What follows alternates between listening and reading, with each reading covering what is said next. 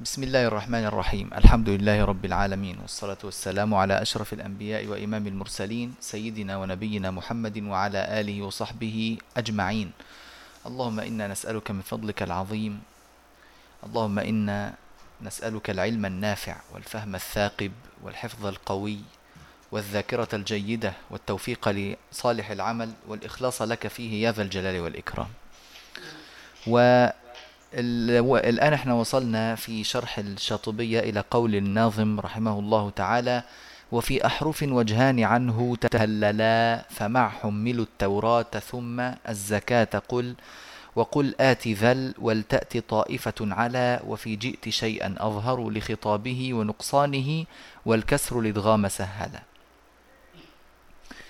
آه، يذكر في آه، هذه الأبيات رحمة الله عليه أن هناك أحرفا يعني كلمات خلافية. الأحرف هنا يعني الكلمات الخلافية. هناك كلمات قرآنية ورد عن السوسي فيها وجهان وكلاهما صحيحان. الأول قول الله تبارك وتعالى التوراة ثم وهو قوله تبارك وتعالى مثل الذين حملوا التو... آه نعم. طبعا هو يقرأ في كلمة التوراة بالإمالة فيقول مثل الذين حملوا التوريت ثم لم يحملوها وله أيضا مثل الذين حملوا التوريت ثم لم يحملوها فهذا جائز وذلك أيضا جائز. يبقى مع حملوا التوراة ثم هذا الموضع الأول. الزكاة والزكاة هو قوله تبارك وتعالى وآتوا الزكاة ثم توليتم الزكاة ثم توليتم. كلاهما صحيح. وقل آت ذل. يعني أيضا معه يدخل مع آه هذين الموضعين قوله تبارك وتعالى وآت القربى حقه. وقل آت ذل. يعني طبعا هو اجتزأ هنا كلمة القربى أخذ منها فقط ال. فيجوز في هذه الكلمة وآت ذا القرب حقه ويجوز وآت ذا القرب حقه. كلاهما صحيح. وأيضا آه، فآت ذا القرب حقه أيضا في موضع سورة آه، الروم. إذا هما موضعان. موضع سورة الإسراء وموضع آه، سورة الروم. ولذلك فصل كلمة آتي عن الواو وعن الفاء حتى تشمل الموضعين. يعني لم يقل وآتي ذل وإنما ولا فآتي ذل بينما قال آتي ذل فشمل بذلك الموضعين. كلاهما آه، فيه الوجهان.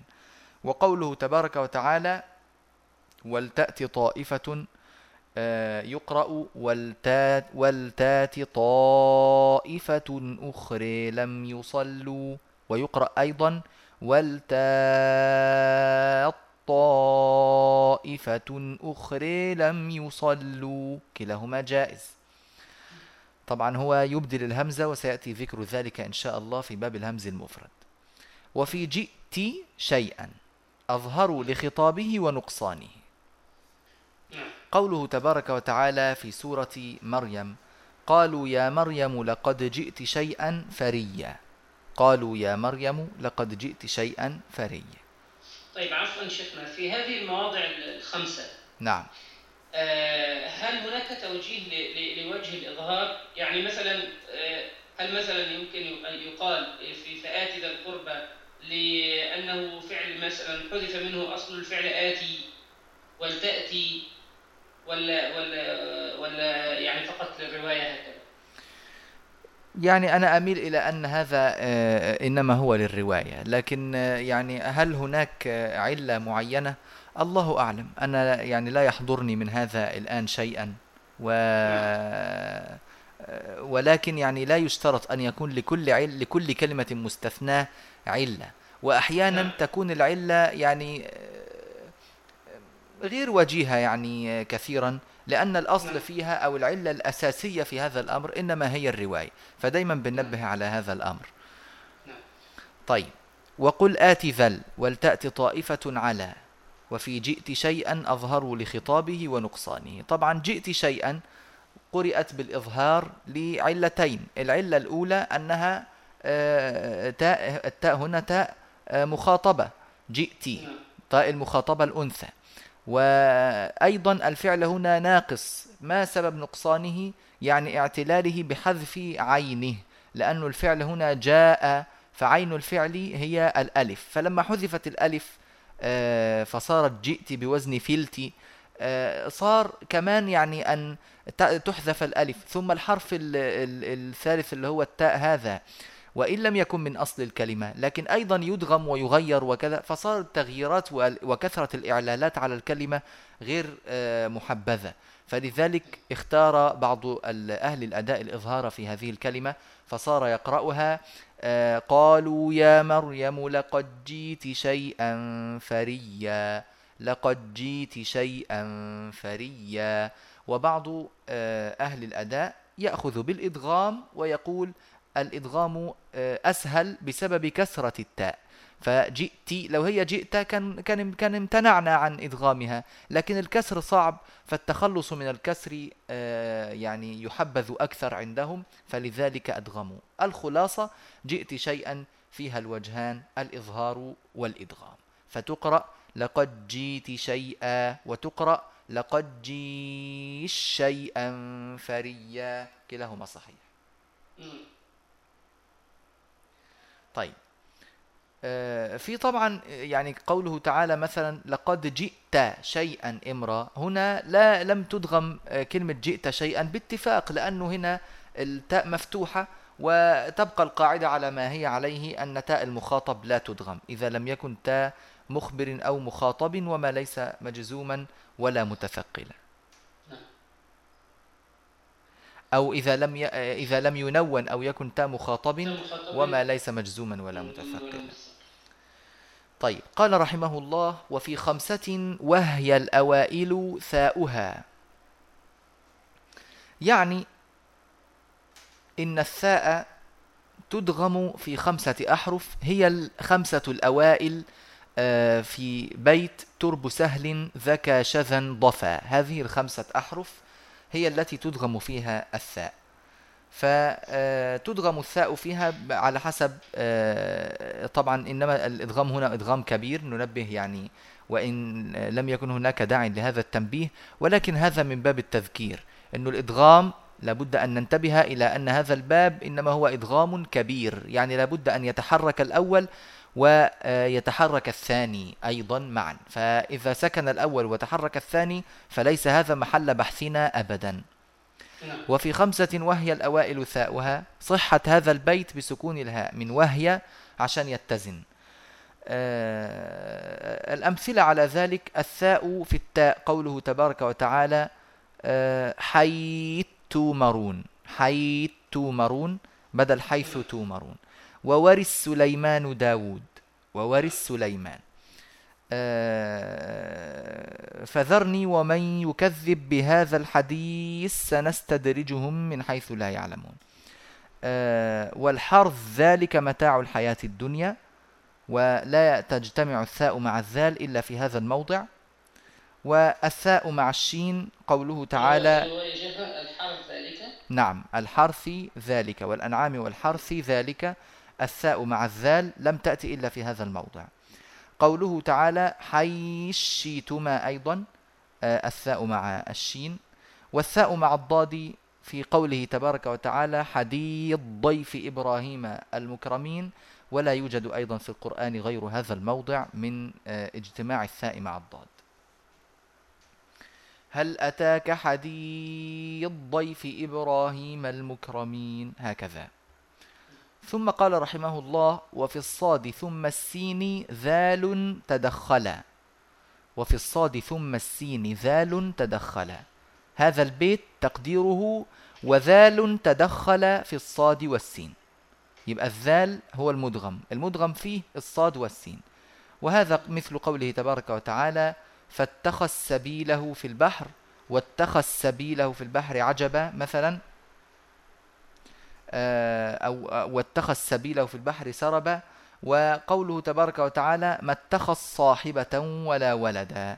وهذا يعني لا يتكرر في القرآن إلا في هذه المواضع فقط. يعني الذال آه، تأتي في آه، كلمة سبيله فاتخذ واتخذ.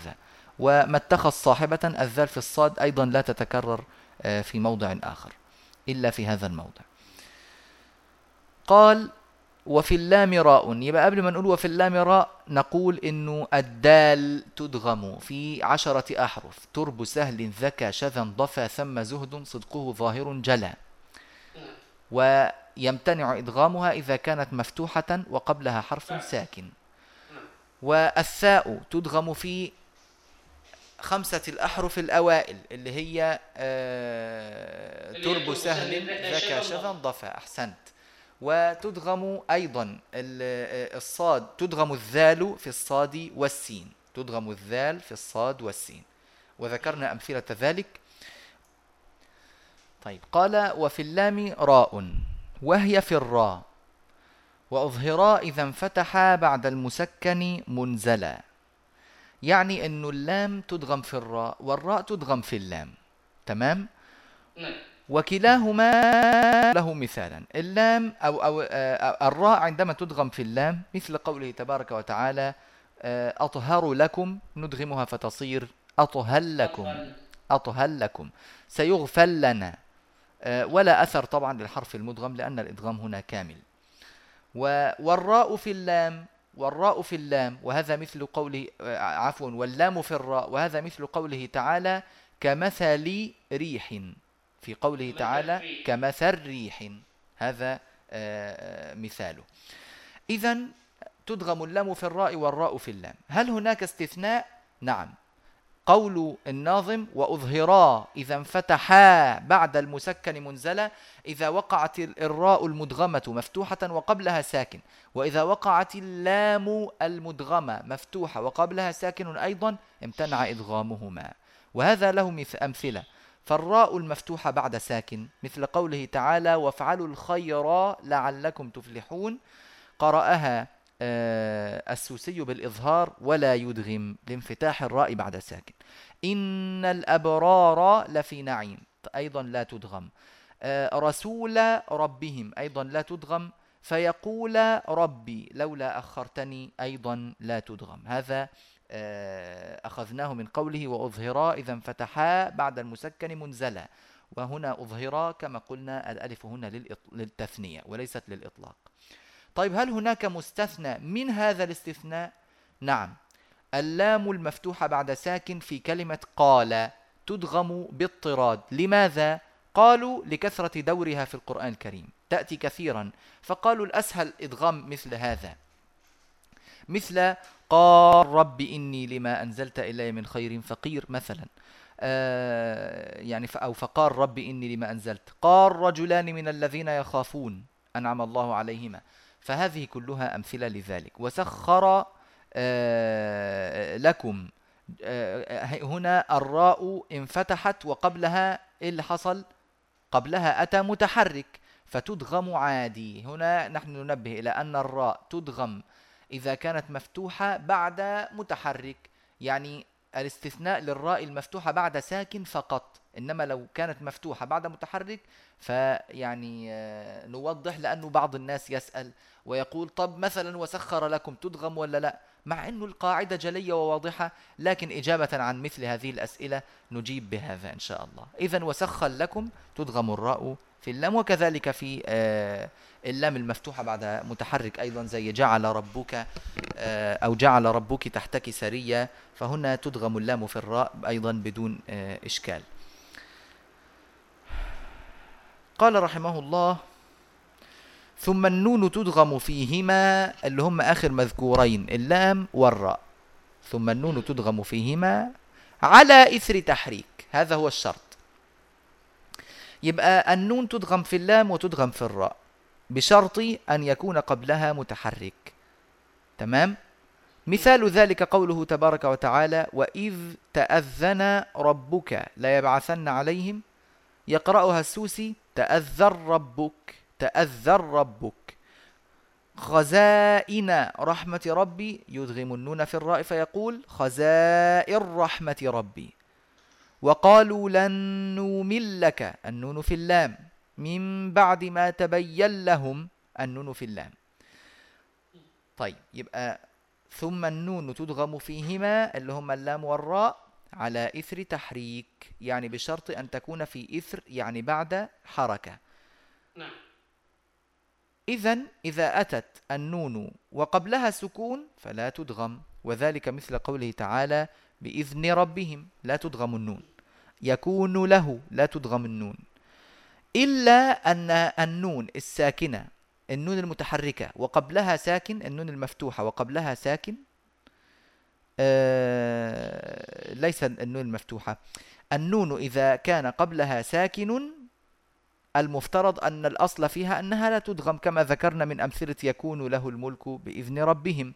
إلا لفظ نحن فإنه يدغم لكثرة دوره في القرآن الكريم. فيقول ونحن له مسلمون ونحن له مخلصون. وما شابه ذلك.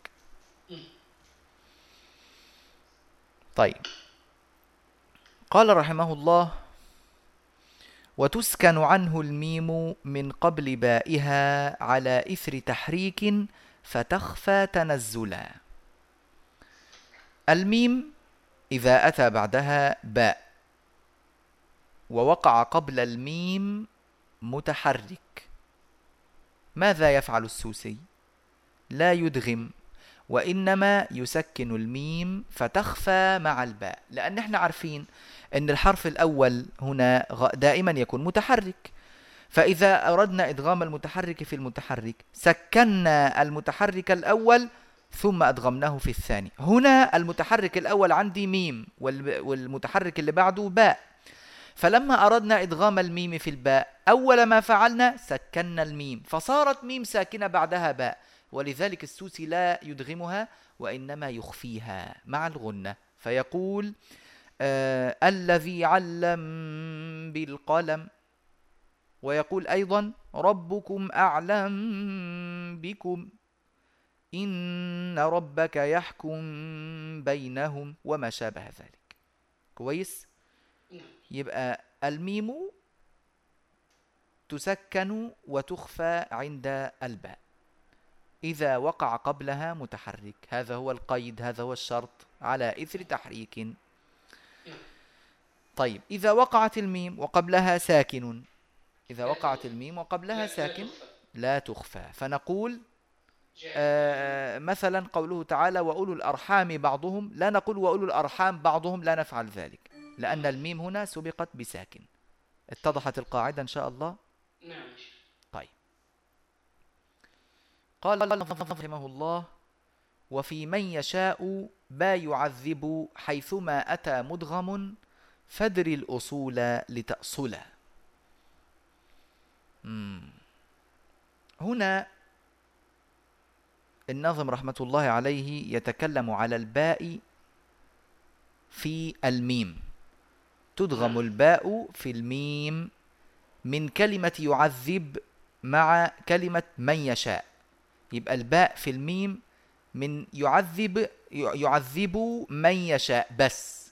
إنما أي باء في أي ميم لا تدخل معنا لا تدخل معنا. مثل أن يضرب مثلا ما ما يقولش أن يضرب مثلا لا يفعل ذلك السوسي. سنكتم ما قالوا مثلا لا يفعل ذلك. وإنما يعذب من؟ بس هي دي اللي بيعملها. في حي في أي موضع تأتي فيه في القرآن الكريم. وهذا أتى في خمسة مواضع. سورة آل عمران وموضعان بسورة المائدة وفي سورة الفتح وفي سورة العنكبوت. مش المهم الآن أن إحنا نأتي بهذه المواضع أو نأتي بأمثلتها وإنما نريد بهذا التنبيه على قول الله تبارك وتعالى في سورة البقرة. نعم. لله ما في السماوات وما في الأرض وإن تبدوا ما في أنفسكم أو تخفوه يحاسبكم به الله فيغفر لمن يشاء ويعذب من يشاء. ليه العلماء آه، أو شراح القصيدة لا يأتون بهذا المثال؟ لأن السوسي رحمه الله تبعا لشيخه أبي عمرو لا يقرأ هذا ال- ال- الموضع برفع يعذب ويغفر وإنما نعم يسكن الراء من يغفر والباء من يعذب فهي عنده مجزومة. وبالتالي لم لم يصل هذا الموضع يعني مخاطبا بهذا الباب وإنما يخاطب بباب الإدغام الصغير ونحن الآن في باب الإدغام الكبير. أعيد وأكرر مرة أخرى. ورد قوله تعالى يعذب من يش ويعذب من يشاء في ست مواضع في القرآن الكريم. السوسي لا يدغم له الموضع الأول من هذا الباب. وإنما يدغم له الخمسة ال ال ال ال الآخرين. موضع آل عمران واثنان في المائدة وموضع الفتح وموضع في سورة العنكبوت. تمام؟ لماذا لم يدغم موضع سورة البقرة؟ لأنه عنده ليس من قبيل الإدغام الكبير وإنما هو من قبيل الإدغام الصغير لأن الباء عنده تجزم تسكن للجزم على قراءته في سورة البقرة. يقرأ فيغفر لمن, فيغفر لمن يشاء ويعذب من يشاء. هذه قراءته. بس هو يقول فيغفر لمن لا إحنا الآن يعني لا نتكلم على موضوع الراء مع اللام هو يدغمه بلا خلاف في كلمة نعم. يغفر لمن و... ولكن سوف نتكلم عن يغفر لمن ويعذب من لما نأتي على باب حروف قربت مخارجها لتتضح كاملة إن شاء الله تعالى وفي من يشاء با يعذب حيث ما أتى مدغم فدر الأصول لتأصلا انتهى الكلام على حروف آه، شفا لم تضق نفسا بها رمد وضن ثوى كان ذا حسن سأى منه قد جلا. انتهى الكلام عليها والآن ما عاد هناك كلام على حروف تدغم وأحوال وتدغم في ماذا وهل هناك امتناع أو لا. بقية الباب في ذكر بعض القواعد آه، الواجب معرفتها في باب آه، الإدغام الكبير. بدأ هذه القواعد بقوله رحمه الله ولا يمنع الإدغام إذ هو عارض إمالة. كالأبرار والنار أثقلا الإدغام إذا وقع في حرف يدغم فيما بعده. إذا وقع في حرف وكان هذا الحرف مدغما فيما بعده.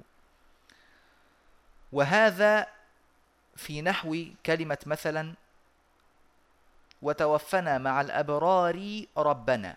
قرأ السوسي بإمالة الألف من الأبرير لوقوع الراء المكسورة المتطرفة بعدها. إذا أتت الألف وبعدها راء متطرفة مكسورة زي الأبرار والحمار والنار وال... وما شابه ذلك فإن السوسية تبعا لشيخه أبي عمرو. يميل الألف آه، الواقعة قبل راء متطرفة مكسورة. طيب الإمالة أصل أو الإمالة عارضة؟ الإمالة هنا أصل والإدغام عارض. الإدغام يعتبر آه، من العوارض. فهل يعني ما هو سبب الإمالة؟ كسرة الراء. طب لما ندغم الراء من الأبرار ربنا مثلا تذهب كسرتها. فإذا ذهب سبب الكسر هل تذهب الإمالة لأجله؟ هذه مسألة. فيجيب عنها الناظم يقول ولا يمنع الإدغام إذ هو عارض إمالة. كالأبرار والنار أثقل. يعني تقدير آه، تقدير البيت بعد التقديم والتأخير اللي حاصل فيه ولا يمنع الإدغام العارض إمالة الألف في نحو الأبرار والنار لأن الإدغام عارض والإمالة أصل. تمام؟ المهم الخلاصة ما هو المطلوب؟ لا تقل وتوفنا مع الأبرار ربنا وإنما تميلها كما هي فتقول وتوفنا مع الأبرير ربنا وآتنا ما وعدتنا على رسلك. إن كتاب الأبرير لفي عليين. وأيضا فقنا عذاب النير ربنا وهكذا تمام؟ فهذا الحكم. عرفناه من هذا البيت. قال رحمه الله وأشمم ورم في غير باء وميمها مع الباء أو ميم وكن متأملا.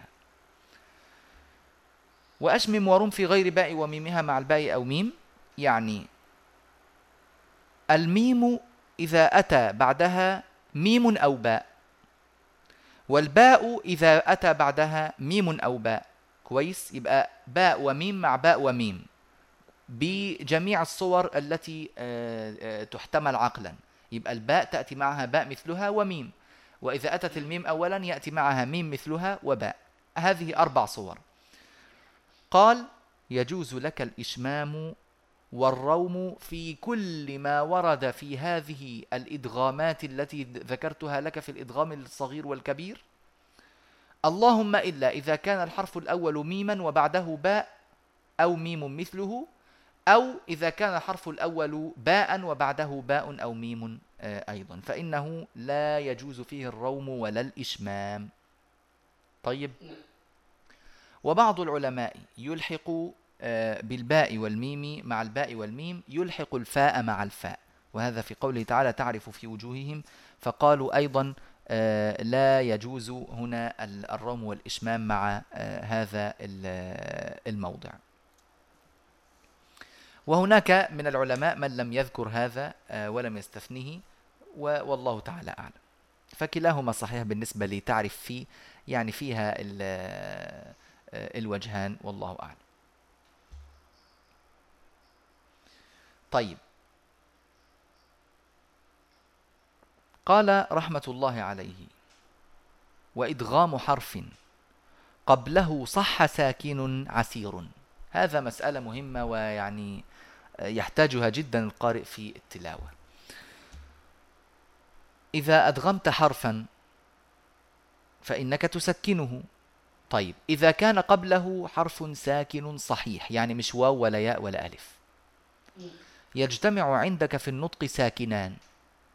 فهل تبقي الإدغام ولا ماذا نفعل؟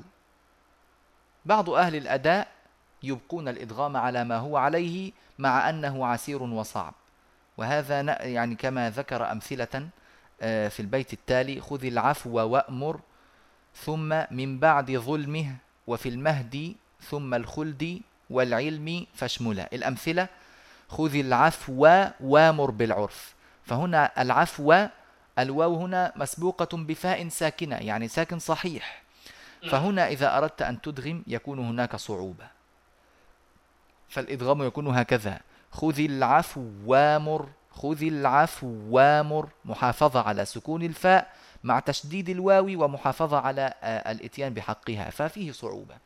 أيضا من بعض ظلمه بعض ولا بد من التشديد على الظاء هكذا. في ناس يقول بعض ظلمه وهذا لا يصلح.